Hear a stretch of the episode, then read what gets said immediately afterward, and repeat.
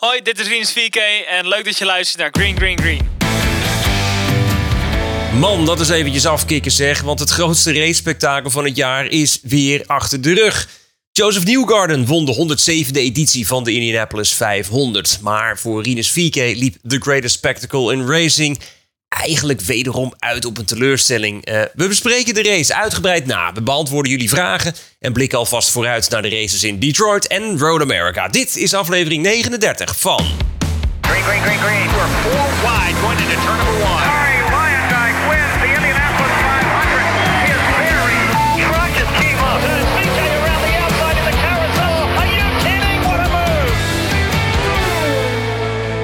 Dit is Green Green Green, de podcast. Met Jeroen Demmendaal, Henri Faun en René Hoogterp. Welkom en leuk dat je weer luistert naar de enige echte IndyCar podcast van Nederland. Ja, we hebben weinig tijd om bij te komen, want na die Indy 500 staan de volgende races alweer voor de deur. Genoeg om te bespreken dus. En dat doe ik gelukkig ook nu weer niet alleen. Virtueel links van mij zit een man die bijna twee jaar op rij een straatfeest in Zweden had, namelijk autosportschrijver Jeroen Demmendaal. Jeroen, ja, ben je al een beetje bijgekomen van zondag? Nou, uh, het was wel een bevalling, ja. Uh, ik, ik, ik heb altijd de week na Indy heb ik altijd een beetje last van een, uh, van een kater, van een hangover. Dan, dan voel ik het ook in mijn, in mijn leden en zo. Dan voel ik gewoon dat ik een beetje gespannen ben geweest. en, ja, dus ik, ik ben wel weer, ik ben nog steeds aan het bijkomen, maar ja, langzaam maar zeker, ik ben, ik ben bijna weer de oude. Kijk, goed om te horen. En virtueel rechts van mij zit een man voor wie er schijnbaar online een fanclub wordt opgericht. IndyCar statistieke Henri Faun. Uh, nee, het is geen fanclub, maar een faunclub. Schijnbaar. Um, nou, ik vind het allemaal uh, best. Uh, zolang ze maar geen OnlyFans van me verwachten, dan uh, vind ik alles goed. nu al zo vroeg. We zitten, wat is het, twee minuten in de uitzending. En het wordt zo'n uitzending. Nou, hartstikke goed. Hey, fijn dat je er ook bent, Henri. Ja, laten we er meteen maar induiken met een, een terugblik op die heerlijke wedstrijd van afgelopen zondag. De start van de 107e editie van de Indy 500. Het is Green, Green, Green. Kanaal ja. over het gras zelf. Blijf je gras nog. Oh, Stingray Rob. We hebben de eerste caution. Stingray Rob eraf in bocht 1. Daar is Rines. Om het bandje heen. Oh, nee! Rines! Rob daar en zichzelf en Palou uit de wedstrijd. Man, man, Nee! Maar oh, daar gaat hij, daar gaat hij. Ja, eraf. Oh, klaar, klaar, klaar, klaar. Ja, Felix Rozenquist in de muur. Oei, oei, oei, oei, oei. Oh god, er gaat ook oh. een wielpubliek in. Ach, gadverdarrie dit. Oh, dat is niet best. Oh, Kirkwood, hè, op zijn kop. Ah, fuck. Dat gaat niet goed, dat gaat niet goed. Oh, hard in de muur. Hard in de muur. Patricia Ward. En we hebben weer een caution. Eriksen moet extreem verdedigen. Daar komt Nieuwgarden. Ah. Nieuwgarden eromheen. Nieuwgarden pakt hem. Hij pakt hem. Wauw, gekke werk dit. Gekke werk. Tja, Joseph Newgarden als winnaar dus van de 500. Ja, voordat we ingaan op dat krankzinnige slot. Ja, hoe vonden we die race eigenlijk in het algemeen? En uh, luisteraar Tom Plaum die vraagt ook wat voor cijfer we deze editie geven. Jeroen, ja, eh, het venijn zat deze keer. Kijk, dat is eigenlijk altijd wel een beetje zo bij de Indy 500. Maar het venijn zat nu echt in de staart. Hè? Um, wat vooral die eerste helft van de race, dat was echt een, nou ja, uh, het was bijna een wieleretappe. Echt een klassiek wedstrijdje. Linkerballen, een beetje kat uit de boom kijken. Gewoon niet zoveel doen. Uh, dat was natuurlijk hè, um, Alex Palou en, en Rinus Vieke die goed samenwerkten. Stuivertje wisselde vooraan. Um, en Rozenquist, die weigerde ook maar gewoon om een ronde aan kop te rijden. Dat was heel duidelijk. Um, ja, en toen die crash van Stingray Rob, dat luidde eigenlijk de eerste nou ja, licht chaotische fase in. Inclusief dus dat foutje in de pits van Rinus. Uh, we gaan hem later ook nog spreken daarover. Dan gaan we vragen hoe dat, wat er toen zelf door zijn hoofd heen ging. Um, ja, en daarna eigenlijk vanaf die crash van Grosjean rond ronde 150. Ja, toen barstte het los. Want dan worden de belangen steeds en steeds groter. En eigenlijk werden de ongelukken ook steeds groter. Kijk, de Indy 500 krijgt van mij altijd een voldoende. En deze keer hebben we een hele mooie winnaar. Dus dit is uh, zeker een 7,5 voor mij. Ja, ik denk dat we hem niet uiteindelijk als een echte klassieker gaan beschouwen, deze editie. Um, of zoals we hem hier zouden noemen, een instant uh, YouTube kijktip. Um, dat is hem dan niet.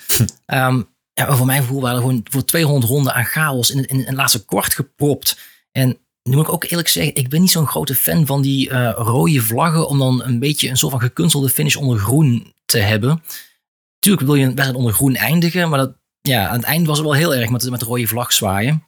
Eh, maar goed, aan de andere kant, een inhaalactie in de laatste ronde, dat is altijd een pluspunt. Ehm, en je zou het niet zeggen, maar dit is pas de derde keer in 107 edities dat het gebeurt en in de laatste ronde eh, de winnaar nog eh, een inhaalactie doet. Dus van mij een 7. Wat zijn jullie streng? Hm. Ik vond het eigenlijk best wel een aardige pot. Acht binnetje zou ik toch wel geven. Ja, ik weet niet waarom. ik, heb er ook een, ik heb er ook een 7,5 van. Dan komen we gemiddeld op een 7,5 uit ongeveer. Hey en jongens, eh, de, de, de winnaar, Joseph Newgarden. Ik- we- Zo dadelijk gaan we natuurlijk het voorspellingenspel doornemen. Maar ik denk dat er heel veel mensen nat zijn gegaan. Eh, heerlijk, prima. Anders ik wel. Daar houden we van. Want daar is IndyCar natuurlijk gewoon, goed, eh, goed voor. Ehm, ja, Newgarden, jongens. Wat vinden we van hem als winnaar, Jeroen?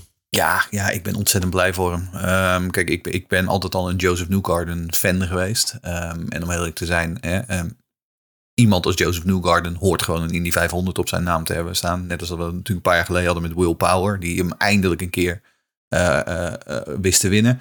Ehm, hij is al tweevoudige IndyCar kampioen natuurlijk. Nu heeft hij ook deze ehm, eh, wedstrijd op zijn naam. En nu is hij echt een van de grote uit de Amerikaanse autosport. Ehm, en vooral ook, weet je, hij is foutloos. Hè? Eh, want Newgarden bewees eens te meer dat als je deze race wil winnen, dan moet je foutloos zijn. En ook Rinus VK weet dat inmiddels. En je kunt heel snel zijn, je kunt een hele goede auto hebben, maar één klein foutje. Scott Dixon vorig jaar, hetzelfde verhaal. Je moet foutloos zijn om hem te winnen. Eh, en wat ik vooral heel opmerkelijk vond, was het contrast met eh, Will Power en, eh, en Scott McLaughlin. Ehm, want we waren natuurlijk eigenlijk vooral naar die kwalificatie, dachten we allemaal, nou, Penske gaat toch gewoon een bijrol spelen in deze wedstrijd.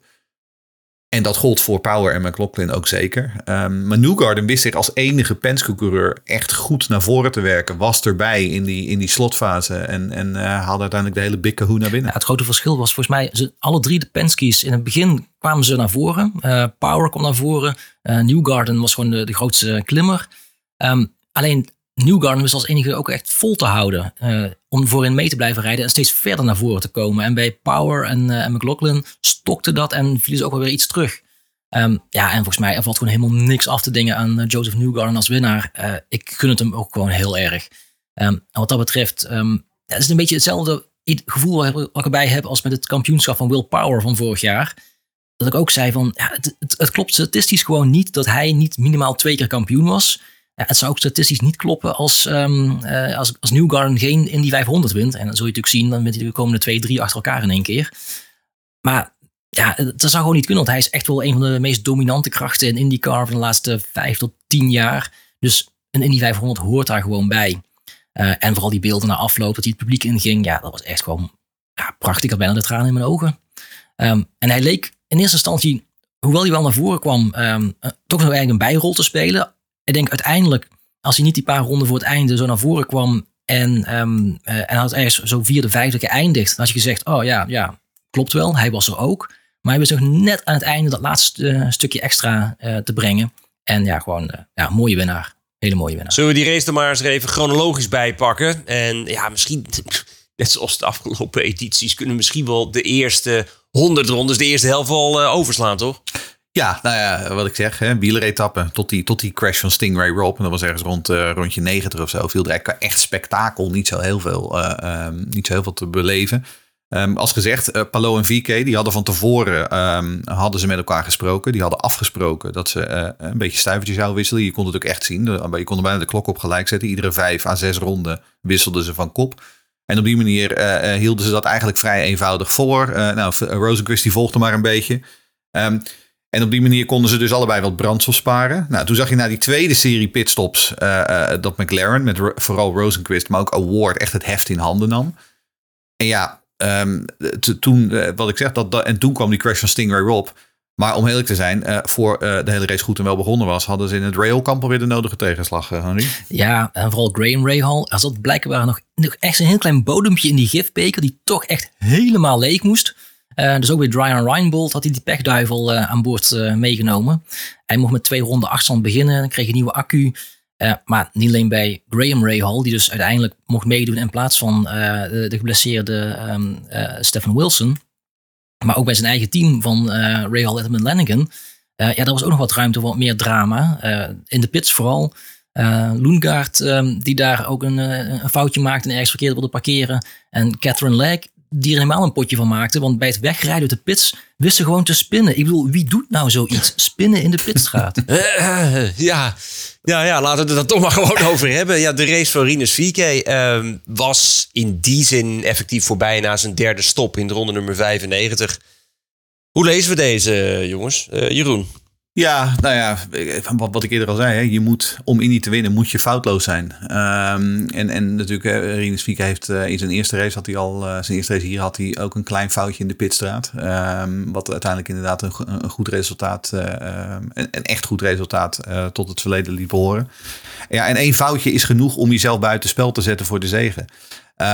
Aan de andere kant, um, er waren genoeg andere coureurs die veel grovere fouten maakten. Hè. Ik bedoel, we hebben een Grosjean, die eindigde gewoon weer in de muur op exact dezelfde plek als vorig jaar. Uh, we hebben Rosenquist, die gewoon echt volgens mij een van de beste auto's van het veld had. Um, en die maakte ook een klein foutje, raakte hem kwijt, kleunde in de muur, was ook klaar. Um, nou, Award, daar gaan we het straks ook nog wel even over hebben. Die, die, die vond ook nog iets. Um, dus weet je, in die zin, Rines heeft natuurlijk relatief uh, uh, weinig schade gereden. Um, ja, gooide misschien ook wel een, in die zin een overwinning weg. Um, maar kwam wel in de finish. Want dat is het wel. Uiteindelijk voelt hij zich vanuit die staart prima terug. Um, vooral in die, in die eerste stint na die penalty. Hij ging geloof ik met een seconde per ronde liep hij in op de rest van het veld. Dat deed hij heel knap. Ja, en hij had eigenlijk natuurlijk gewoon achtste in plaats van tiende moeten worden. Waren het niet dat onze grote vriend Connor Daly besloot om zijn eigen teamgenoot in het gras te duwen bij die laatste herstart. En uiteindelijk gewoon zijn beste resultaat van het seizoen. Precies. Je ja. zou dat niet eens denken, maar ja, het had natuurlijk allemaal veel mooier en veel beter gekund. Ja. En ik denk dat hij ook, uh, hij heeft natuurlijk volgens mij zijn excuses wel aan uh, Polo aangeboden. Uh, maar hij mag hem ook al een beetje bedanken, want ik denk zonder Polo was hij misschien echt haakste muur ingegaan, had hij nog meer schade gehad. Dat was klaar geweest. Ja. Um, dus nee, ja, het was uh, ja, heel, heel, heel zonde. En um, ja, wat, Jeroen, wat jij misschien hebt uh, meegekregen in het uh, racecafé XXL, zei volgens mij René nog vooraf. En volgens mij heeft René hem gewoon gejinxed. René zei nog van, ja, aan Rinus zal het niet liggen. Het ligt vooral aan zijn, aan, aan zijn team als hij, als hij niet goed presteert. Ja, kijk, dat is het natuurlijk. Het, het, het, het rottige is. Ehm, kijk, vorig jaar daar kun je nog altijd van over twisten of het inderdaad een technisch dingetje was of de jaren nee. En de, hier, kun je, hier is gewoon geen twijfel over mogelijk. En gelukkig was hij dan ook wel. Nou, de eerste die dat dan ook gewoon toegaf. Dat het gewoon een fout is. En dat hij zichzelf. En dat hij dan ook uh, zijn excuses aan Palo heeft aangeboden. En dan, dan ben dan, dat is dat sterk. Vind ik heel nou. En, en ik zie op zo'n moment ook wel. Want ik, dat weten jullie. Ik ben vrij actief op Twitter. En ik zie dan ook meteen mijn mentions helemaal vol stromen met. Nou ja, typisch Nederlandse reacties. Van mensen die het allemaal weten. En uh, hoe, kan je dat nou doen? En dan denk ik, ja, mijn lieve jongens, we vergeten nog wel eens. Um, hij is pas 22. Um, we maken allemaal fouten. Ik weet dat ik in ieder geval fouten maak in het leven. Um, dus Rinus 4K doet dat ook als 22-jarige jongen. Um, hij rijdt in een, een ontzettend wilde uh, um, uh, racewagen. Uh, Marcus Armstrong noemde het alsof je een alligator aan het temmen bent. een foutje zit gewoon in een klein hoekje. Dit kan gewoon gebeuren. Kijk, en hier gaat hij weer van leren. en hij heeft ook genoeg foutloze races gereden dit jaar. Het is alleen een beetje jammer dat hij het in de grootste van het, van het jaar... dat hij dan inderdaad dit foutje maakt. Maar uiteindelijk ik denk dat hij afgezien daarvan gewoon een hele strakke wedstrijd gereden heeft. Over foutjes gesproken, laten we dan eventjes teruggaan naar die crash van uh, de rookie in het veld, Stingray Rob. Dan uh, heb het over ronde nummer 92. Rob die had nogal harde woorden over Rahal in zijn interview na afloop. Ik vond dat wel heel opvallend, want uh, nou, we weten allemaal, hij heeft natuurlijk allemaal bijbel, nou ik wil niet zeggen een halve bijbel op zijn auto staan, maar ik denk nou, dit had ik niet van jou verwacht, Stingray. Uh, Jeroen, was dat terecht? Ja, hij die zonder zonde is, die werpen de eerste dat steen, toch? Ja. Uh, was dat terecht? Nee, het geheel niet. Um, en het mooie, dat vind ik, hè, net als met Rinus 4K, dat, het zie je de man ook wel. Uh, Stinger Rob gaf dat ook direct toe na de wedstrijd via Twitter. Uh, want we, we, we, zagen het wel, het is wel een trend, waar gaan we het zo ook nog met Pato Award over hebben. Dat je direct na een crash met als je de adrenaline, die giert dan nog door je lijf. Dan zeg je wel eens dingen waar je dan later van denkt, dat ik beter niet zou kunnen zeggen. um, want natuurlijk was er niks mis met die manoeuvre van Rail. Het is heel simpel. Uh, Stingray zat te slapen, werd verrast, raakte daardoor buiten de groove. Ja, wat gebeurt er dan uh, op een oval? Dan word je passagier. Um, rookie foutje, hoort erbij. Want ook Stingray is het gewoon nog aan het leren. Um, ik kreeg ook een vraag van uh, Ryan. Die zegt: Kunnen we inmiddels zeggen dat Stingray Rob, onder de, ondanks de prachtige naam, te licht is bevonden? Of moeten we hem tijd geven bij een beter team? Um, ja, ik, ik, het lijkt me wat vroeg om nu al te zeggen dat hij te licht is bevonden. Um, kijk, het is tegenwoordig heel populair natuurlijk om een oncoureur na uh, één slechte race af te schrijven. maar ja, die jongen is een rookie. Coin gaat dit jaar eigenlijk voor geen meter. Ehm, ook in de lagere klassen, want ik heb hem echt van al. Ik volg hem al jaren. Hij is ook een beetje een diesel. Hij heeft altijd een, wat tijd nodig om echt lekker in zijn, in zijn flow te komen. Maar hij heeft best wel. Hij heeft best wel talent. Ik zeg niet dat Rob een, een, een kampioen in de dop is. Maar uh, uh, ja, iets meer geduld nog voor met hem. Dat, dat lijkt me een schone zaak. Over geduld, de schone zaak. Romain Grosjean. ja, hij knalde er gewoon weer vanaf. Hè. Wanneer gaat hij daar nou eens een keertje van leren, Henri? volgens mij was jij ook degene die in de vorige uitzending zei van... we moeten gewoon een beetje kalm blijven, rustig aandoen. nu weer niet, hè? Drie crashes in zes races. Ja, blijkt toch maar weer dat Grosjean nog steeds niet naar onze podcast luistert. ik stuur hem elke keer de, de cassettebandjes op. Ik zeg van uh, met, een, met, een, woordenboek erbij. Uh, nee, maar goed, het is bij Grosjean inmiddels ook geen verrassing meer, denk ik. Hè?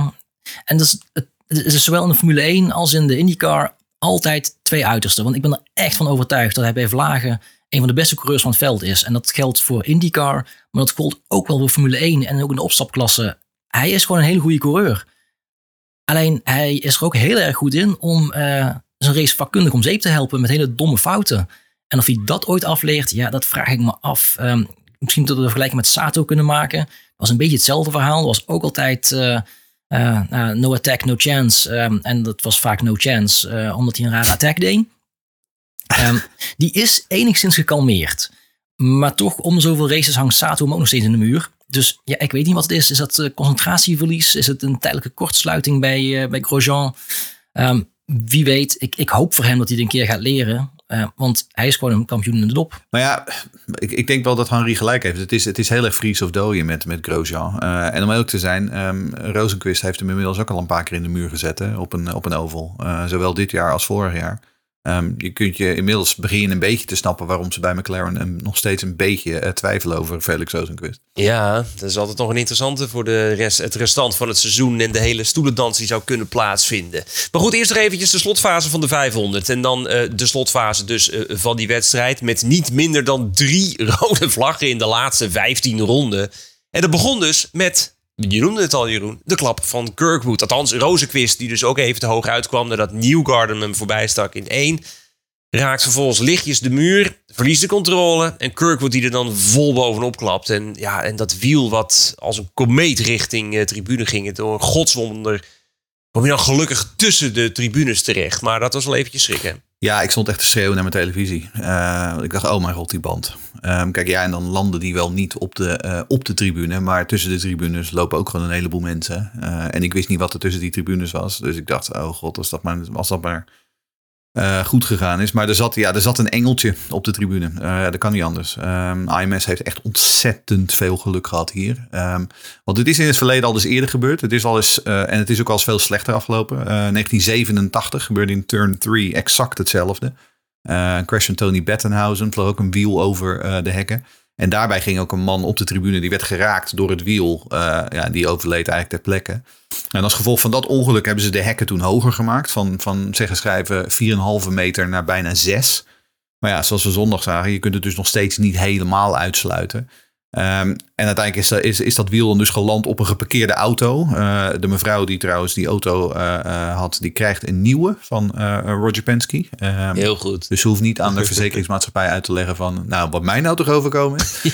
um, nee, die krijgt een, nieuw, een nieuwe auto. Dat is een mooie geste. en daarna het was een Chevy ook, hè? Dus ja, dan... Het was een Chevy ook, ja, precies. Ja. en daarna schijnt dat wiel dus verder gestuiterd te zijn op de golfbaan die erachter ligt. dus ja, het is een wonder dat er geen gewonden zijn gevallen. Um, wat, ik, wat ik wel opmerkelijk vind is dat deze crash wel weer de reputatie van de Indy 500 uh, uh, bevestigt. Want ik had op maandagochtend meerdere collega's die allemaal naar me toe kwamen van oh, die crash, die crash. En dat zijn allemaal collega's die nooit naar de race laat staan de Indy 500 kijken. Maar dit hadden ze allemaal op social media voorbij zien komen. En ja, en ik ben ook erg blij dat onze coole kikker Kyle Kirkwood gewoon zonder kleerscheur uit, uit dat wrak kwam. Die kwam natuurlijk ook ondersteboven terecht op de, op de boarding. Dat was ook niet helemaal lekker. Uh, wat ik nog een vraag van Koen Koistra. Die zegt van ja, ik zat die onboards te bekijken. En waarom gooit Kyle Kirkwood in hemelsnaam zijn vizier open? Ja. Ja, dat is dus gewoon een kwestie, uh, heel simpel, um, adrenaline ten eerste. Uh, en ook gewoon gewoonte, want dat is wat die gasten vaak gewoon doen. Ja, het is ook zelfs een, um, wordt aan ze gevraagd om een vizier open te doen als ze ongedeerd zijn na een crash. Dus ook als ze, als ze erg stilstaan, dan moeten ze een vizier ja. open doen. Dan ziet de, de safety crew ziet dan van, oh, hij is oké. Okay. Ja, in dit geval kleed hij nog op zijn kop en deed hij het al. Dus, dus die gewoonte zat er dan waarschijnlijk wel in. Eh, maar ik dacht, jongen, dat, vliegen vonken nog langs je gezicht af. Doe dat vizier dicht. Ja, maar dat is het. het. Het zit er gewoon ingebakken bij die gasten inderdaad. Eh, en wat je zegt, die tip inderdaad, dat zullen ze ook in hun achterhoofd hebben van, oh, ik moet laten zien dat ik oké ben. Ehm, en het was het duimpje wat we van Stefan Wilson zagen toen hij op de brancard lag. Eh, Dat hoort, er, dat hoort er inderdaad bij. Ehm, en dan hadden we ook nog een vraag van Martin Spierings. Want die vraagt verder over die kabel. Dat heet dan een tether in het Amerikaans. eh, eh, die aan het wiel van Kirkwood zat. Hij zegt volgens IndyCar was die niet afgebroken. Maar wat was er dan wel afgebroken? Ja, dat is inderdaad een hele interessante inderdaad. Ehm, want Roger Penske die zei namelijk in een eerste reactie eh, kort na het ongeluk. dat de enorme krachten die bij dat ongeluk vrij waren gekomen. Dat blijkbaar daardoor die kabel was afgebroken. En dat ze daarnaar zouden gaan kijken. Eh, en toen kort daarna kwam de technische commissie van IndyCar met een officieel statement. waarin ze exact het tegenovergestelde beweerden. eh, eh, en zeiden dat de tether niet was afgebroken. Ja, hoe dat wiel dan toch over het hek wist te vliegen, dat werd verder niet uitgelegd. Eh, was ook wel een beetje een rare zaak, Henry. Nou, het is ook gewoon een kwestie van natuurkunde. Je, weet- je weet, dat is mijn, eh, mijn sterke kant. Ehm, maar ik heb gelezen, er kwam 80G vrij bij de crash van Kirkwood. En of het nou de kabel is, of de aanhechting van de kabel, of een schroefje, een boutje, een moertje, moet ook wel ergens vastgezet worden. Eh, bij voldoende kracht zal het uiteindelijk altijd afbreken. Eh, en dat betekent dus ook, als het eenmaal afbreekt, dan zijn de krachten dus zo groot dat zo'n wiel ook extra ver wegvliegt. En natuurlijk, ze kunnen het eh, uiteindelijk nog wel steviger maken. Maar aan al het materiaal, wat het nou is, daar zit een limiet aan voor wat het aan kan. Het zal altijd ergens buigen, barsten. Eh, ja, of zoals mijn eh, ex tegen me zei, eh, voordat ze de deur dicht trok, alles kan kapot. Oh. Ik weet dat ik daar niet om moet lachen, Henry, maar ik doe het toch. Ja, lang geleden. Eh, dit was dus de eerste rode vlag. Dan denk je aan de ene kant mooi. Nou, nu gaan we hem dus wel uitrijden. Maar aan de andere kant, je weet dat het dus ook gewoon weer een korte, heftige sprint wordt. Cautions, breed cautions. Eh, rode vlaggen, breed rode vlaggen in dit geval. Want we gingen in ronde nummer 193 weer van start. En het ging meteen weer fout. Nu was het Award die de muur in ging. Na, ja, in mijn ogen, een wilst optimistische inhaalpoging op eh Ericsson. Eh, daarachter ging het overigens ook mis. Een beetje onderbelicht eh, gebleven. Misschien wel met Pagino en Canapino. Waar waarbij McLaughlin trouwens gewoon echt best wel een flinke peuk uitdeelt. Maar goed, ehm, het gaat vooral over het eerste incident. En eh, luisteraar Stuart F1 die vraagt zich af. Award versus Ericsson. Is het een racing incident of gaat hij iemand echt in de fout? En wat vinden jullie van de opmerkingen van Award... dat hij er de volgende keren voor zorgt dat Ericsson mee de muur in gaat? Nou nou... Dus eh Henri, eh, had Pato niet wat meer geduld moeten hebben? Ja, volgens mij wel. Ik ben het helemaal met je eens dat ehm, eh, hij had betere banden op dat moment. Laat dat niet vergeten. Dus volgens mij zou hij er sowieso al voorbij zijn gekomen. Dus ik vond het een hele optimistische actie van eh, Award. Eh, dan kun je afvragen, is het dan een, een fout van Award? Is het een fout van Ericsson? Is het een racing incident? Ik denk ergens zie ik het wel als een racing incident. Ehm, ik denk ook niet dat eh Ericsson er bewust ervan afgebeukt heeft. Ik denk niet dat Award het, een echte banzai-actie was. Nou ja, wel, je zou hem wel kunnen vergelijken met de actie van Sato. Hebben we hem weer op Franchitti in 2012 in de laatste ronde. Die kun je bijna over elkaar heen leggen, maar dan in een andere bocht. Ehm, en, en misschien was eh, Award ook wel gewoon bang voor, eh, voor de Dragon Move van Ericsson. En dat het zijn enige kans zou zijn. Wie weet. Eh we hadden volgens mij in de voorbeschouwing al over dat hij met een machette tussen zijn tanden zou rijden. Maar in dit geval heeft hij volgens mij vooral echt zijn eigen benen onder zich vandaan gehakt. Ehm, ja, dus ik, ik hou het vooral op een, een, een race-incident dat Award vooral over zichzelf afriep. En over afroepen gesproken, ik, ja, die opmerking van ik neem Ericsson de volgende keer de muur in mee, ja, die vind ik wat minder fraai. Nee, is niet goed. Maar goed, dat is ook weer de heat of the moment, eh, zullen we maar zeggen. Ja, net zoals bij eh, Stingray Rob. Eh, maar goed, we hebben die wel over mensenlevens waar je dan mee speelt met de muur in gaan. Dus dat vind ik, nou ja. Ik snap dat hij gefrustreerd is. eh, maar goed, dan moet hij eerst even in de spiegel kijken en tot tien tellen voordat hij dat zegt. Ja, het is een beetje gangmentaliteit bijna. Mhm. een beetje eye for an eye idee. Wat ik wel aardig vond, was dat er iemand op Twitter die eh, postte een screenshot van die aanrijding met Dixon in Long Ja. Beach en deze aanrijding. En, en daar zetten ze volgens die quote van eh, Award na die aanrijding in Long Beach. Sometimes you make it out of the corner, sometimes you don't. Mhm. Um, en die tweet werd vervolgens geretweet door Marcus Eriksson. Dat vond ik heel erg geestig. Dus ja, de, Pato heeft op dit moment hij heeft nu en beef met Marcus Eriksson en hij heeft beef met Scott Dixon. Dus Pato is echt vrienden aan het maken. Ja, wel met eh Zack Brown natuurlijk. Als hij uh, wel. anti-Ganassi is. Ja, precies, ja. Ja, dat was dus rode vlag nummer twee. Dan gaan we drie ronden verder en hebben we weer een chaotische herstart. Nou, sterker nog, het ging al fout eigenlijk praktisch voor de herstart. Want uh, Andretti, Lundgaard, Carpenter, Peterson, die uh, moesten allemaal het strijdtoneel verlaten. Dit is al eentje onder de noemer kneuzenkermis. Ja, beetje wel hè. uh, ja, ik begreep na afloop dat vooral Ed Carpenter, die, die was heel link richting Christian Lundgaard. Vond dat Christian Lundgaard veel te agressief was daar uh, en hem eigenlijk gewoon de muur indrukte. Um, maar als we heel eerlijk zijn, Ed had gewoon sowieso een redelijk beroerde in die 500. Hè. Um, zat een beetje vast in het middenveld. Uh, Daly zagen we wel, die werkte zich wel redelijk naar voren. Maar Ed, Ed kreeg dat gewoon niet voor elkaar. Um, geldt eigenlijk ook hetzelfde voor Andretti natuurlijk. we hebben Marco de hele wedstrijd niet gezien. Uh, en Pedersen, ja, die had, dan, die had natuurlijk die knappe kwalificatie, uh, maar zonk vervolgens als een baksteen in de tijdlijst. En om eerlijk te zijn, dat zagen we allemaal natuurlijk wel een klein beetje aankomen. Um, maar toch vond ik, ik vond het wel zonde, want ik bedoel, uiteindelijk heeft hij gewoon echt een goede man meegereden voor een rookie. Um, ik bedoel, mijn verwachtingen voor aanvang van het seizoen waren niet heel hoog voor hem. En dat begon natuurlijk met die enorme klapper in St. Piet. En dacht ik, oh, nou, dit wordt toch een jaar. Uh, maar hij heeft zich hier natuurlijk gewoon uitstekend laten zien in die kwalificatie, gewoon goed gereden. Dus het is eigenlijk zonde dat hij hem niet uit heeft kunnen rijden. Dat hij op deze manier zijn, uh, zijn eerste Indy 500 moest afbreken. Nou, uiteindelijk de, heeft dus geen enkele rookie de race uitgereden. Nee. nee. Maar ik denk dat wel uh, Peterson uh, terecht de Rookie of the Year is geworden. Ja, absoluut. Ja, absoluut. Goed, ja, dat was dus rotzooi achterin het veld. Maar aan de kop was daar Ericsson. Ja, die was stiekem Newgarden weer voorbijgestoken. Maar er kwam dus weer een rode vlag, de derde. En dan kregen we, nadat we dus nog een ronde onder geel werd doorgereden, dat vond ik wel heel erg vreemd eerlijk gezegd, kregen we daarna toch wel weer een rode vlag. En dus per saldo kregen we een herstart direct uit de pits en één groene ronde dan te gaan. En zowel Ericsson als Dixon waren daar behoorlijk kritisch op. Ja, en er werd natuurlijk ook weer flink geslingerd. En alle trucendozen werden opengetrokken om men te blokkeren. En Dennis Broekhart en Ramon Kok die vragen dan ook... Wat vinden jullie uh, hoe omgegaan is met die laatste ronde? En denken jullie dat er een verbod gaat worden, uh, verbod gaat komen op het weave? Vorig jaar probeerde Ericsson slipstream te breken en afgelopen race gingen ze bijna de pitstraat in. Dat gaat nog eens een keer hartstikke fout. Ja, dat uh, zegt inderdaad Dennis en Ramon. En Hidde, die vraagt zich af of dat misschien, uh, ja, of dat kosten van wat kost onder groen proberen te finishen, niet wat gefabriceerd aanvoelt. Harry? Ja, volgens mij zeg ik het uh, aan het begin al. Van, ik ben ook geen grote fan van die uh, rode vlaggen en herstarts voor één of twee ronden. Ik, ik begrijp de wens om onder groen te finishen. Want dat wil je gewoon hebben. Dat, wil je, dat, dat plaatje wil je hebben. Um, en overtime doen we sowieso niet. Uh, 500 mijl is 500 mijl. Nou, tenzij je Jacques Villeneuve bent. Maar dat is weer een ander verhaal. Um, ja, die moeten we wel even uitleggen, Harry, denk ik. Oh, moeten we die uitleggen? Fans. Ja, doe maar even kort. Ja, hoe zat hij nou ook alweer? Dat is ook al een tijdje geleden. Maar, uh... Hij kreeg een penalty toch? Jacques Villeneuve 1995 reed op een gegeven moment op twee ronden achterstand. Maar nee, hij kreeg een penalty van twee rondes. Penalties. En daarom heeft hij 505 mijl. Ja, hij reed niet op twee rondes achterstand. Maar, maar, hij reed dus op twee ronden achterstand en die moest hij goed maken. En vervolgens heeft hij ook de wedstrijd overgenomen. Ja, maar hij heeft dus feitelijk ja. 202 rondes gereden. Ja, ja want er waren penalties niet. Ja, anyway. Daar komt eigenlijk op neer. Maar goed, door.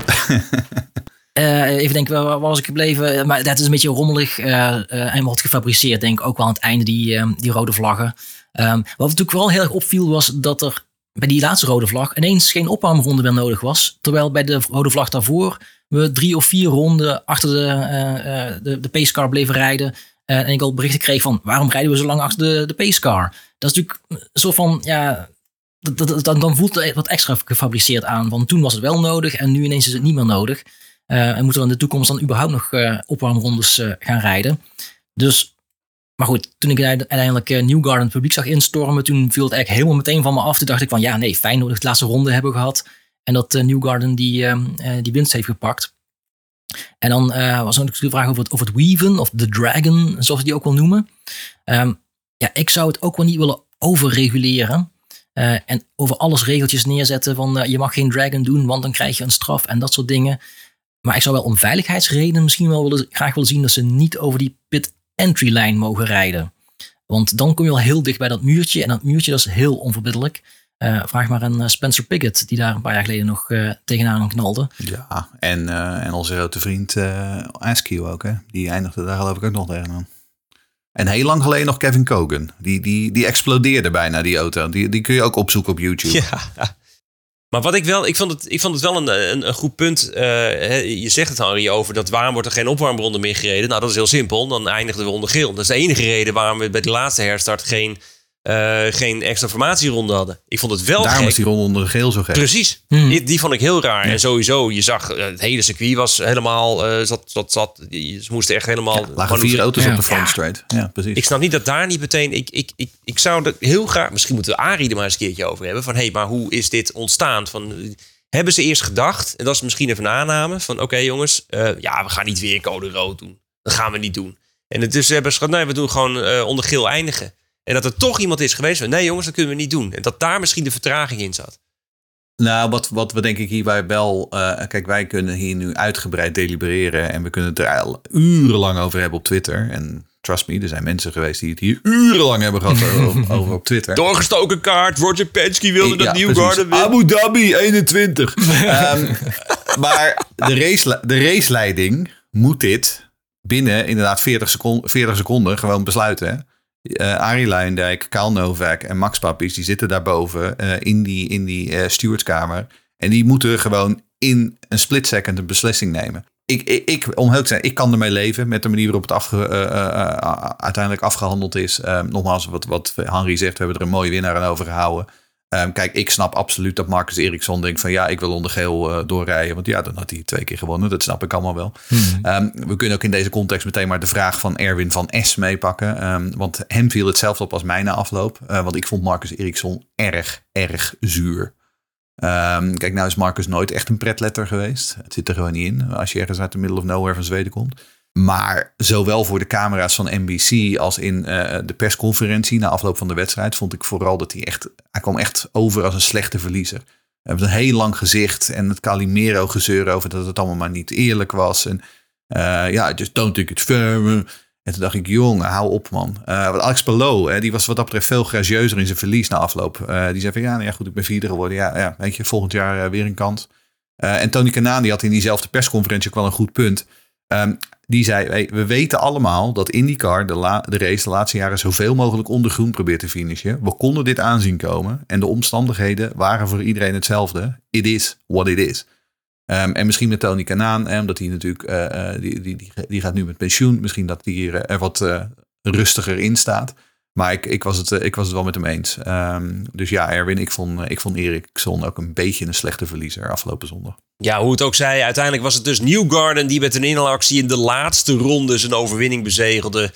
Ja, dat leverde fantastische beelden op hè, van een uitgelaten Newgarden die het publiek indook. Ik zat toch echt te denken van oké, hij weet dus kennelijk dat je daardoor doorheen kan schuiven. En in no time was hij daar op de tribune te vinden. Misschien is het wel de start van een nieuwe traditie, wie zal het zeggen? Ja, ja ik vond het geweldig om te zien.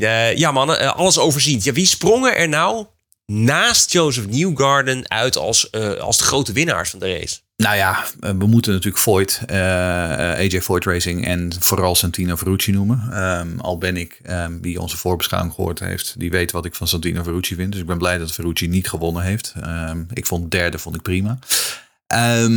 Callum Islet, knap twaalfde in zijn Junkos. Ehm na wat echt een ramp kwalificatieweek was. Ehm, er was op een gegeven moment zelfs twijfel over of hij überhaupt wel mee zou doen. Maar eh, uiteindelijk toch gewoon netjes twaalfde gefinished. Dat is voor hem gewoon heel knap. Ehm, Hunter Ray, zelfde netjes elfde voor eh, de parttimers. eh Dryer en Rainbow, die eigenlijk alleen hier op de Indy 500 racen doorgaans. En hoewel gecrashed, eh Kyle Kirkwood die reed zichzelf vanaf startplekje 18 naar P2 eh, eh, ten tijde van zijn crash. Ehm, en ik denk echt dat als Kirkwood niet ge- gecrashed was, dat hij een kans hebben voor de zegen was geweest. En wat ik eerder al zei, hij was gewoon met afgetekend de beste Andretti. Hij was eigenlijk de enige die zich een beetje aan die misère onttrok. Ehm, aanvankelijk had ik hier dus ook Connor Daly willen noemen. Ehm, maar eh, eh, ja, die actie op, op Rinus in de laatste ronde was wat mij betreft echt, echt not on. Echt belachelijk. Als je nog iets van mij willen horen, want als, als een ware Tony Kanaan heeft eh, Jeroen het, het gras van mijn voeten weggemaaid. Ehm, ik had precies dezelfde naam op mijn lijstje staan. met, met de rijders voor wie het glas in dit geval het glas melk half vol was. Nou, misschien nog even die, die twaalfde plek van Islet. Want hij had natuurlijk echt een belabberde voorbereiding. Ehm, en als je dan ziet dat hij op 12 plaats eindigt, denk je 12, nou ja, 12. Wat is 12 nou? Maar dat is wel gewoon voor McLaughlin, voor Castro Neves, voor Kanaan. Eh, dat is gewoon heel erg knap. Ehm, en eh, trouwens, over, over eh, Ferrucci of Santucci. Het is natuurlijk wel heel knap dat hij derde wordt. Maar heb je gezien bij die laatste herstart wat hij bij Polo deed? Ehm, als je het niet hebt gezien, kijk nog even na. Ehm, hij zit naast Palo Palou wil hem inhalen en hij roeit hem bijna gewoon van de baan af. En je ziet Palou echt denken van, weet je wat, eerste ga ik toch niet worden. Ik, uh, ik hou al bij vierde, uh, geef die derde plek maar aan, uh, aan Santucci en het zal wel. Maar dat had heel slecht kunnen aflopen.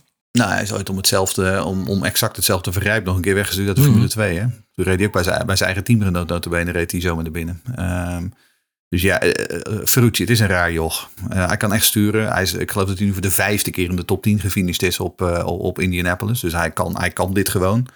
Maar ja, nee, mijn favoriet zal het nooit worden. Ja, de, de winnaars dus. dan de andere kant van de medaille. ja, wie zullen zich na de afgelopen zondag nog eens flink achter de oren moeten krabben?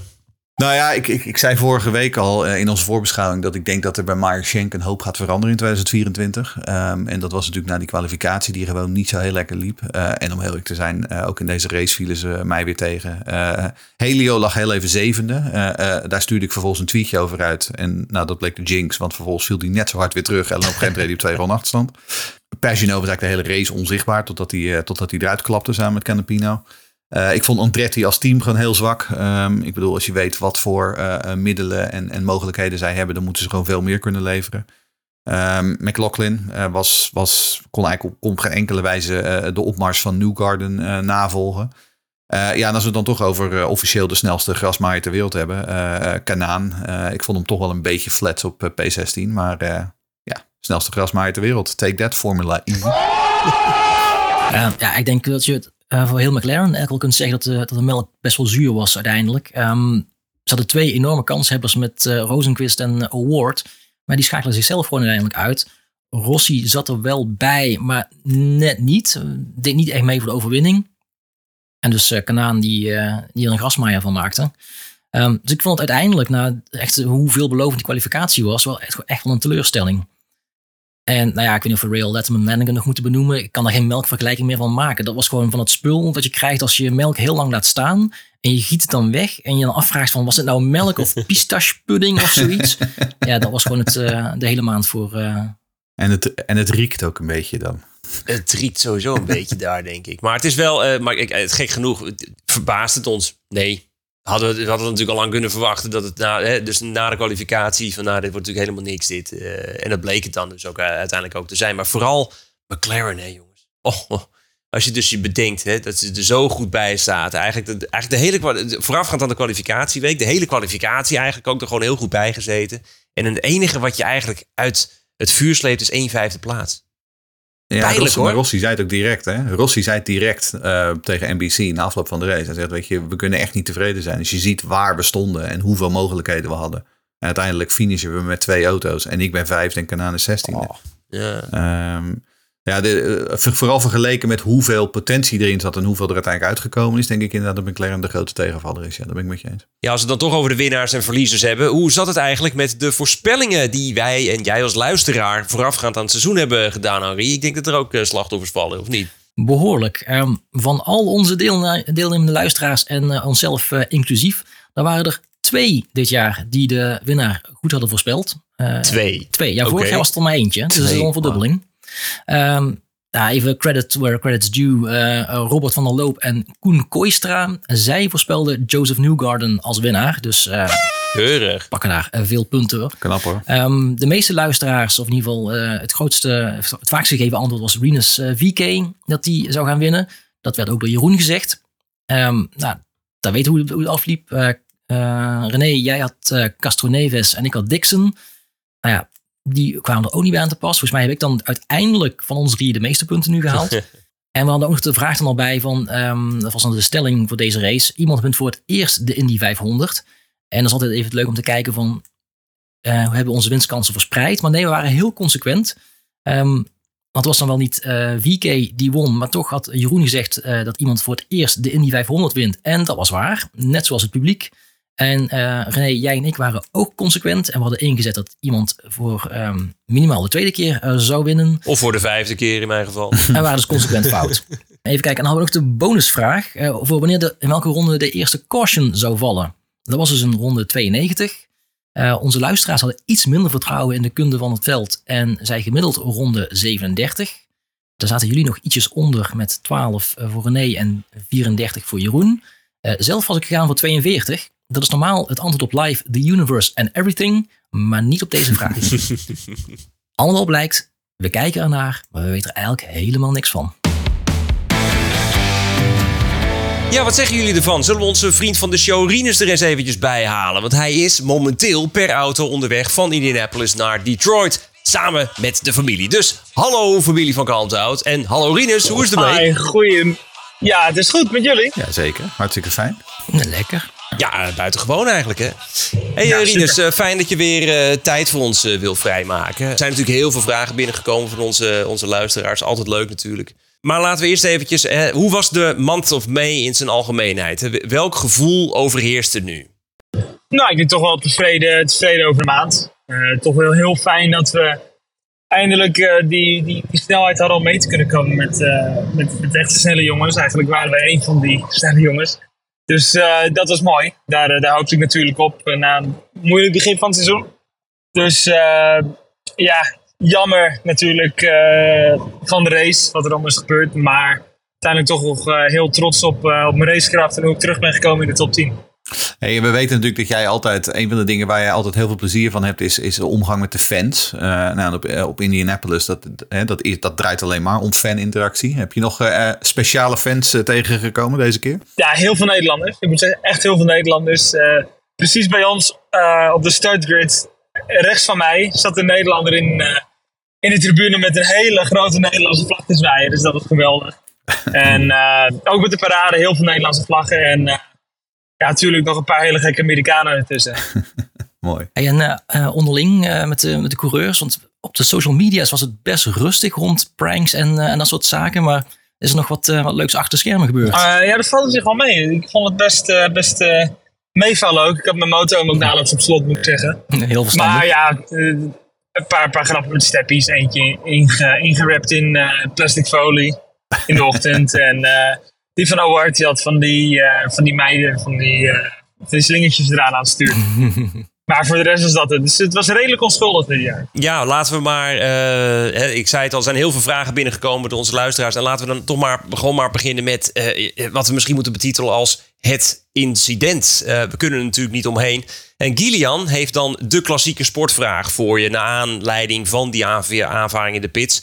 Wat ging er door je heen na zo'n fout? En kon je jezelf weer snel herpakken? Ja, dat was natuurlijk balen. Eh, ja, het gebeurde. Eh, en ja, eigenlijk kwam ik er nog redelijk zelf goed mee weg. Geen schade gelukkig. Daar ben ik dan op dat moment mee bezig. Eh, en het duurde best wel lang tot, tot we een antwoord kregen van...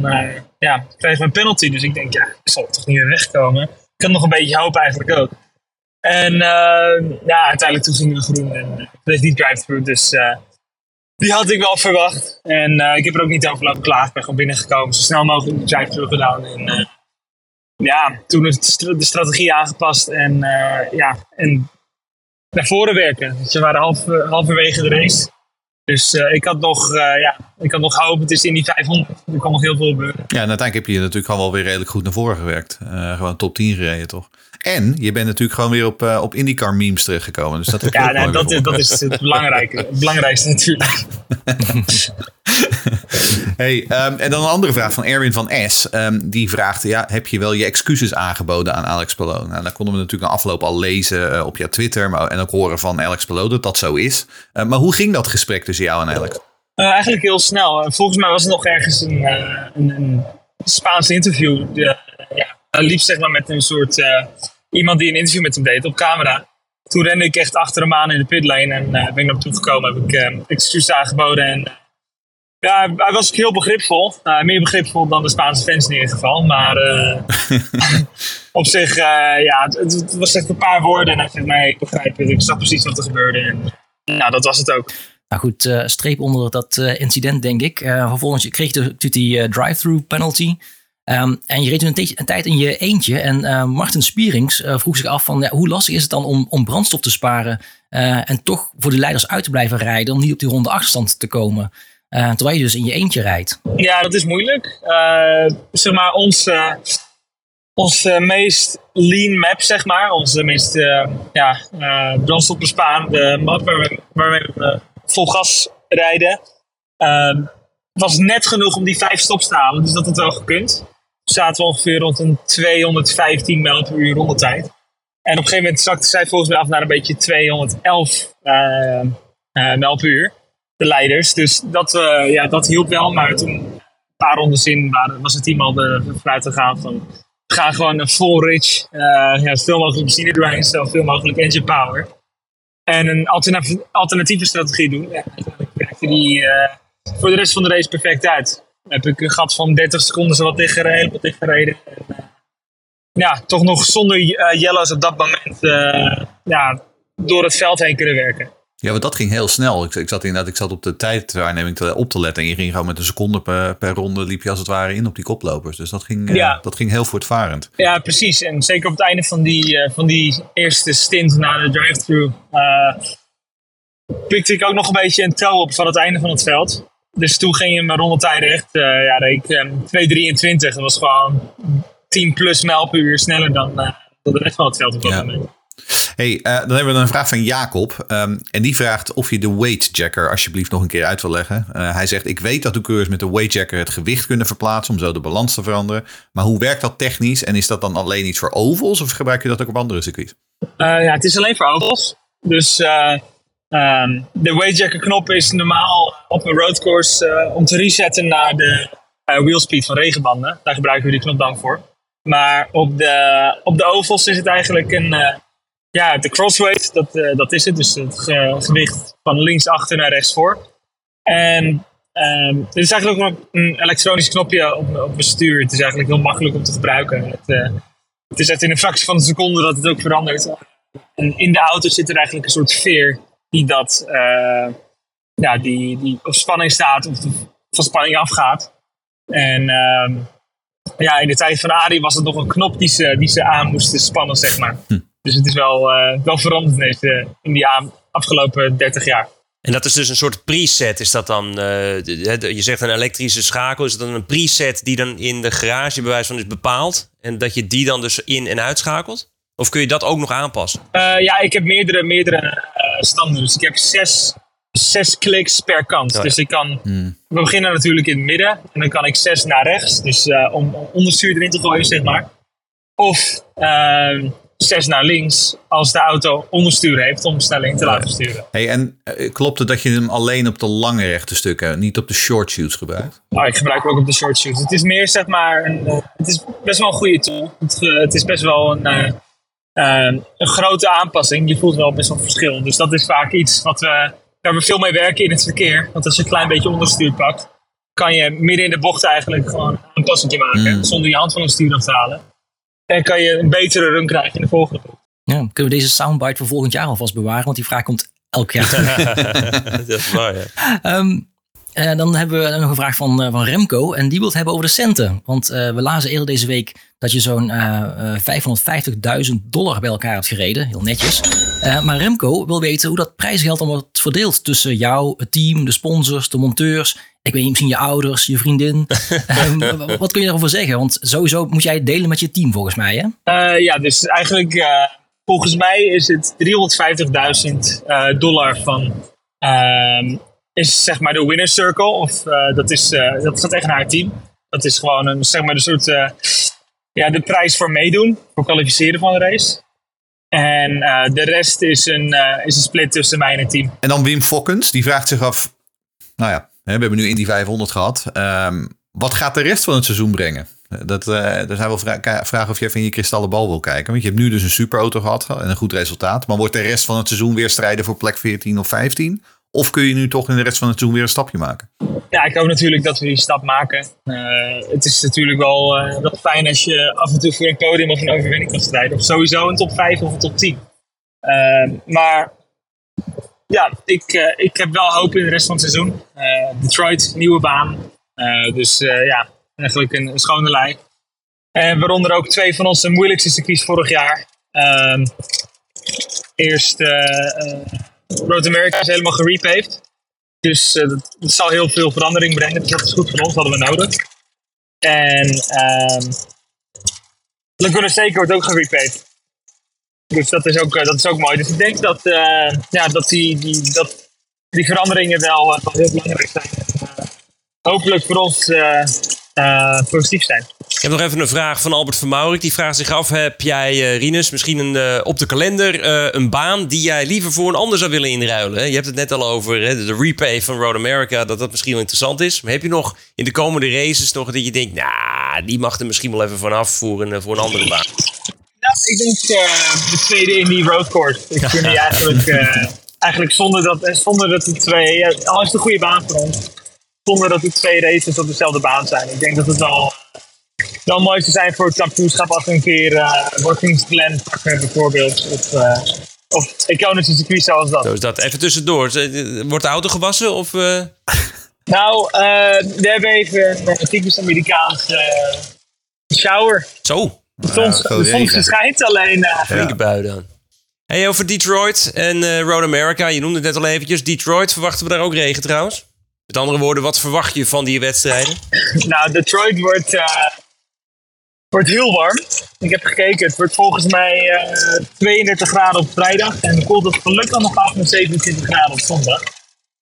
Maar uh, ja, dat wordt een, uh, wordt een warme race. Zeker, zeker voor een straatcircuit waar je vaak natuurlijk wat minder hard gaat dan op een, op een Barber bijvoorbeeld.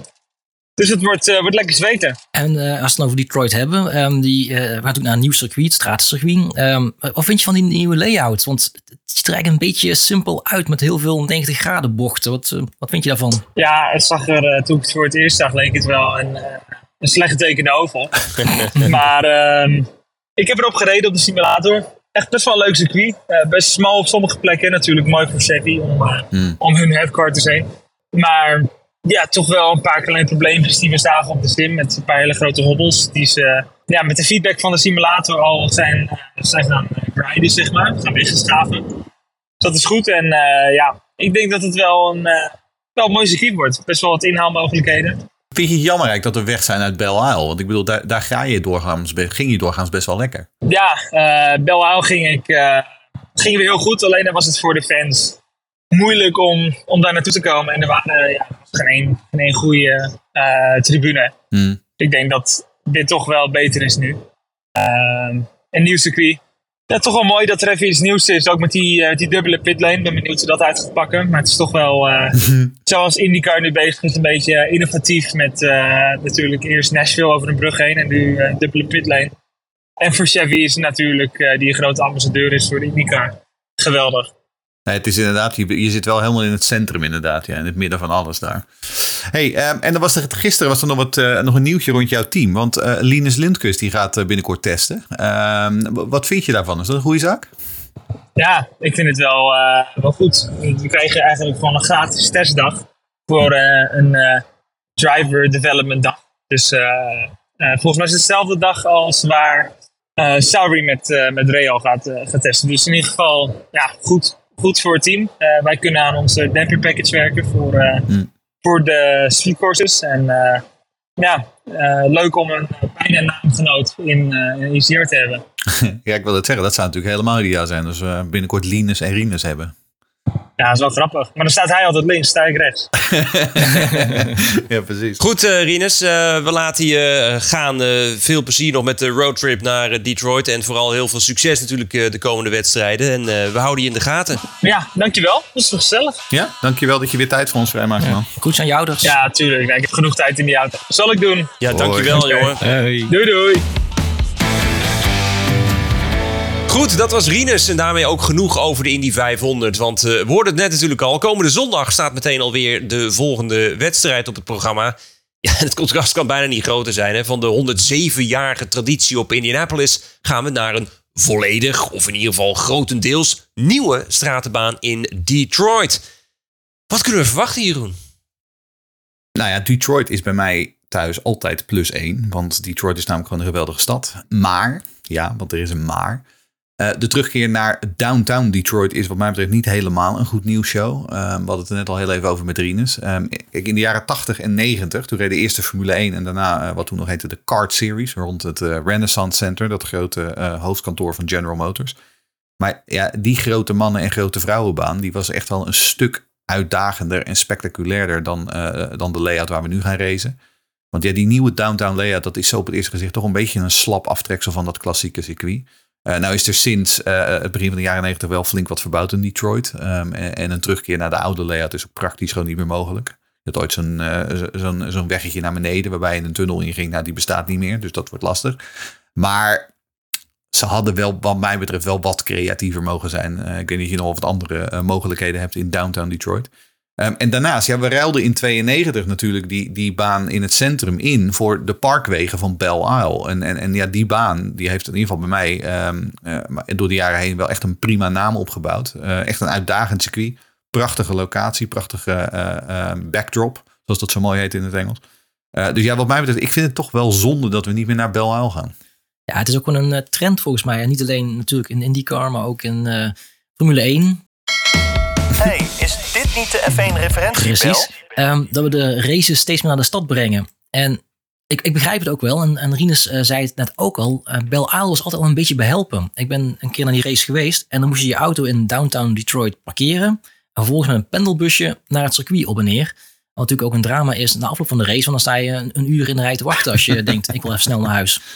Um, dus dat is, gewoon, dat is gewoon heel veel gedoe voor een casual fan. En wat ik wel heel erg mooi vind wat ze nu gaan doen, is dat ze uh, een deel van de straten rondom het circuit, die laten ze gewoon open. Waarmee de baan ook gewoon vrij toegankelijk is voor het publiek om, om gratis te kijken. Um, en daarmee is het eigenlijk gewoon een, ook een cadeau aan de inwoners van Detroit. Niet in de laatste plaats, omdat ze dus ook wat van aan de straten gaan opknappen. Dat lijkt me ook een heel mooi cadeau uh, aan de inwoners van Detroit. het is alleen gewoon te hopen dat het ook een goede race oplevert. het doet me qua layout ook een beetje denken aan, aan Nashville met heel veel 90 graden bochten. En ja, één zo'n uh, crashfill is, is wel genoeg per jaar volgens mij. En vooral die, uh, die pitstraat met, uh, waar ze aan twee kanten van de pitlane de pitboxen hebben. En dan dus ergens moeten gaan ritsen aan het einde van de pitlane. Wat kan er nou misgaan, ja. joh? Vooral met 28 fulltime IndyCars. Dat is ja. kat in bakkie. Ja, goed. En aangezien ik toch wel zo'n agent of chaos ben, had ik daar ook de stelling over gemaakt in het voorspellingenspel. Namelijk de stelling: de dubbelzijdige pitstraat zorgt voor problemen tijdens de race. Uh, nou, ik ben nog best een optimist, want ik heb daarop gezegd niet waar. Uh, maar jullie tweeën en publiek zijn iets minder hoopvol. Um, dus jullie verwachten wel uh, chaos. Ja, nou, laat me komen hoor. Hey, wie verwachten we die, die, die, op, die op dat nieuwe circuit, wie verwachten die daar een beetje goed voor de dag zal komen? Nou ja, kijk, dat is natuurlijk altijd een beetje, vooral op zijn nieuwbaan zit een beetje koffie te kijken. wie ik vrijwel zeker, waarvan ik vrijwel zeker weet dat hij niet goed voor de dag gaat komen, is onze kerstverse Indy 500 kampioen Joseph Newgarden. Um, want Kijk, Rinus die zit lekker in de passagiersstoel bij zijn vader en die rijdt hem rustig naar Detroit toe. Uh, Joseph Newgarden die wordt op dit moment geleefd. Uh, die reist heel Amerika rond. Um, hij was eerder deze week bijvoorbeeld uh, op, de, op de aandelenbeurs in New York bij de Nasdaq. En dan mocht hij aan de bel slingeren en dat soort dingen. En hij is bij Good Morning America. En hij moet allemaal andere interviews en, en, en appearances doen. Um, dus ja, die rust niet lekker uit nu. Um, en het is wel een beetje traditie dat als je de Indy 500 uh, gewonnen hebt, dat je dan vaak de wedstrijd daarna uh, uh, eigenlijk gewoon een hele matige race hebt. Um, vraag maar aan Arie Luijendijk. Die had daar in 1990 ook last van na de Indy 500. Um, het hoort er een beetje bij. Maar verder, Andretti misschien, Henri? Ja, Andretti was tot de Indy 500 wel echt heel goed bezig. En misschien wel de revelatie van het seizoen dat je het echt gewoon niet meer van hun verwacht dat ze zo goed voor de dag zouden komen. Dus wie weet is dit ook dan weer het weekend waarin uh, Colton Hurt ineens uh, iets van zich laat zien. Want ja, die moet ook wel eens uh, aan het seizoen gaan werken. Anders is het echt een verloren seizoen. Aan de andere kant, Kyle Kirkwood was natuurlijk ook wel heel sterk in, in Long Beach. Dus het zou ook zomaar kunnen. Um, en ergens heb ik ook een Ericsson gevoel. Als het inderdaad een, een, een baan wordt met, met veel chaos. Misschien een rode vlag hier en daar en je weet, als er met een rode vlag wordt gewapperd, dan is uh, er altijd bij. Uh, dus uh, misschien komt hij wel bovendrijven en neemt hij wel revanche voor afgelopen zondag. Ja, dat dus aankomende zondag. En dan twee weken daarna gaan we naar, in mijn ogen, de mooiste roadcourse op de kalender, Road America. Ja, en ook daar weer, de verschillen kunnen weer niet groter zijn met Detroit natuurlijk. Hè? Uh, nee, kijk, we, we weten natuurlijk, uh, Indianapolis, dat is het race mecca van Amerika. Um, maar wat mij betreft inderdaad, ik ben het helemaal met je eens, René, Road America is een hele goede tweede. Um, ik heb vorig jaar zelf een week in Wisconsin en de Road America doorgebracht. Ja, ik vind het een waanzinnige baan, waanzinnige omgeving. Um, nou, en als aangezien we hier dan toch zitten, een heel klein stukje reclame... Uh, zoals jullie weten schrijf ik ook voor Vol Gas, um, uh, tijdschrift. En in het komende nummer heb ik een lang verhaal over Road America, de rijke geschiedenis en mijn ervaringen daar geschreven. Dus uh, check dat uit vanaf half juli. Um, maar we hadden het er net ook met Rinus over. We hebben dit jaar eh, op Road America een nieuwe asfaltlaag. Ehm, en dat is echt voor het eerst in een jaar of veertig. Want dat hebben ze heel lang hebben ze dat maar gewoon een beetje laten liggen. Ehm, en daar zaten echt, echt de putten zaten erin. Dus je stuitte er altijd over die baan heen. Het was heel moeilijk om daar veel mechanisch grip te vinden. Ehm, met een beetje geluk wordt het nu iets meer uh, als wat we bijvoorbeeld gezien hebben op Barber en op de Indianapolis Road Course. Uh, dat het gewoon toch iets meer uh, gladder asfalt wordt. Dat het makkelijker wordt om grip te vinden. Ja, en met een beetje geluk werkt die repave dus in het voordeel van Renus en Ed Carpenter Racing. Want als we heel eerlijk zijn, um, het is de afgelopen jaren vrij mager geweest voor, voor team Road America. Um, en ik begrijp ook dat er net als in voorgaande jaren weer een speciale livery aankomt voor Rinus. dus hou je ogen open toen je daar was, heb je ook een van die befaamde braadworsten gehad. Ik hoor ze altijd over uh, de, de, famous brats. Jazeker. Zijn die nou echt zo goed? Ja, dat zijn ze. Ja, dat zijn ze. Ja, absoluut. Ja, die zijn heel goed. Om eens een keer uh, naartoe gaan dan. Um, ja, nee, volgens mij kan ik uh, niet anders dan het eens zijn met jullie dat het een prachtige baan is. Een hele mooie setting. Gepassioneerde fans, veel kaas en worst. Maar ik wil ook een beetje recalcitrant, recalcitrant zijn. Zo, een lastig woord. Um, ik vind de races daar vaak niet heel spectaculair het, het, risico op een hele dominante winst, die ligt toch wel op de, op de loer. Um, het zijn vaak niet heel veel incidenten, um, waardoor je weinig gele vlaggen hebt. Het veld wordt uit elkaar getrokken. Uh, zeker als je uh, met een repave, nou, ik denk dat het risico nog wel, nog wel groter is. Dat, het, dat iedereen lekkere grip heeft en gewoon kan doorrijden. Um, ik denk bijvoorbeeld aan uh, Alexander Rossi een paar jaar geleden, die volgens mij met, uh, met anderhalve ronde voorsprong uh, over de finish kwam. Nou, je kunt ook niet zoveel hè, daar, omdat die baan zo lang is, kun je ook qua pitstopstrategie niet zoveel. Je moet ja, één of één rondje zit. Ja, één rondje maximaal, ja. want, want als je één rondje mis zit, dan sta je gewoon zonder benzine. En daardoor wordt het inderdaad, in ieder geval qua, uh, qua pitstop tactiek, wordt het vaak uh, een beetje een eenheidsbraadworst. nee, maar um, uh, ik had over Rossi. Ik, ik heb ook een, een beetje een Rossi gevoel voor komend, of niet komend weekend, maar voor de komende editie van, van Road America. Hij begint toch ook steeds beter te klikken met het team om zich heen, dat toch nieuw voor hem geformeerd was. Ik zou mijn geld misschien wel op Rossi durven zetten voor een overwinning. En als we nog even kijken naar die dominante overwinning die hij destijds had, zoiets zou ik hem best wel weer opnieuw kunnen zien doen. En daarover had ik ook die um, stelling in het voorspellingsspel gemaakt. Namelijk, de winnaar heeft meer dan 6 seconden voorsprong op de nummer 2. En zowel Jeroen als ik zien dat wel gebeuren. Uh, René en het publiek uh, gaan uit van iets meer close racing voor de overwinning. En ik zou het eigenlijk wel toejuichen misschien wel. Het is meer hoop, denk ik. Tuurlijk is het mooi om ja, ik, ik hoop het ook. Het is ook aan de ene kant um, ben ik ook wel raceliefhebber. Als iemand echt gewoon domineert, kan ik er ook wel van, op die manier van genieten. Uh, dat iemand gewoon echt het veld, uh, het snot voor de ogen rijdt. Maar een beetje spanning en spektakel en een, een, gevecht in de laatste ronde is ook wel leuk. Ik ga weer lekker naar kijken. Ja, net zoals vorig jaar ga ik hem weer missen. Helaas. Maar goed, ik ben benieuwd. Laten we hopen dat we een beetje een leuke pot krijgen. En dat moet je anders formuleren. Jij houdt zo van die race dat je gewoon niet wil werken als die is. Dat, dat precies. Zo, zo, zo wou ik het inderdaad zeggen. Ja, nee. hey, goed, we gaan het zien. De race in Detroit is uh, aanstaande zondag, dus om 9 uur s'avonds op uh, Ziggo Sport en Ziggo Sport Select. Dus kanaal 14 uh, ook dus. Dat is mooi. Weer op het open kanaal. En de race op Road America die is op 18 juni. Vaderdag dus rond de klok van 7 uur s'avonds. YouTube kijktip. Zoals gebruikelijk sluiten we af met de YouTube kijktip. Er komen met Detroit en Road America twee heel verschillende locaties. Twee hele verschillende circuits uh, komen eraan. Maar beide met flink wat IndyCar-historie. Uh, Henry, het is uh, jouw beurt deze keer. Nou, wat geef jij de luisteraars mee om zich voor te bereiden? Ja, we gaan dus uh, terug naar downtown Detroit. Uh, rondom het uh, Renaissance Center, oftewel het RenCen. Dus ik dacht misschien als tip mee te geven. Kijk een oude race, uh, uh, hoe de straten van Detroit er toen uitzagen. En als voorbereiding, dan zie je misschien wat herkenbaars. Um, maar ja, goed, dat zou kunnen. Um, maar toch wel een tip, een, een race uit Road America. En ik dacht misschien nu van 98. De absolute hoogtijdagen van de kart. prachtige auto's en een historische dag voor iemand die een hele grote meneer zou worden. Um, en wat ik ook nog bij wil benoemen, is er zat ook een hele bizarre crash in.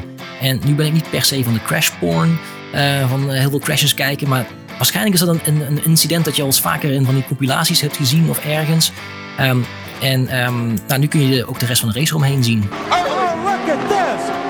Oh my god. Alex Barron right up on top of poor Brian Herdup. You saw Herdup, an astonishing collision in turn 5. Ja, mooie race. En gelukkig liep het goed af. Ook dat nog, ja.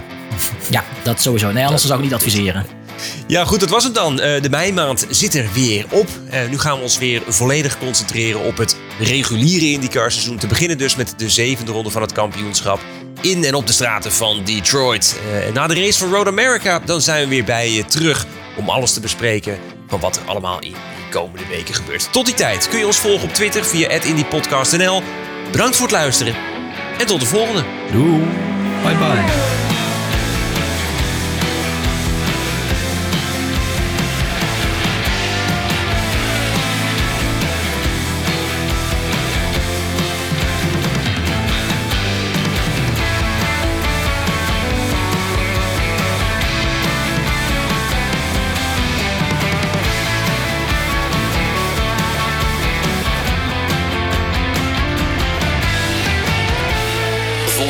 Laatste IndyCar nieuws van Green Green Green op Twitter via @indypodcastnl en abonneer je op Green Green Green via je favoriete podcastplatform.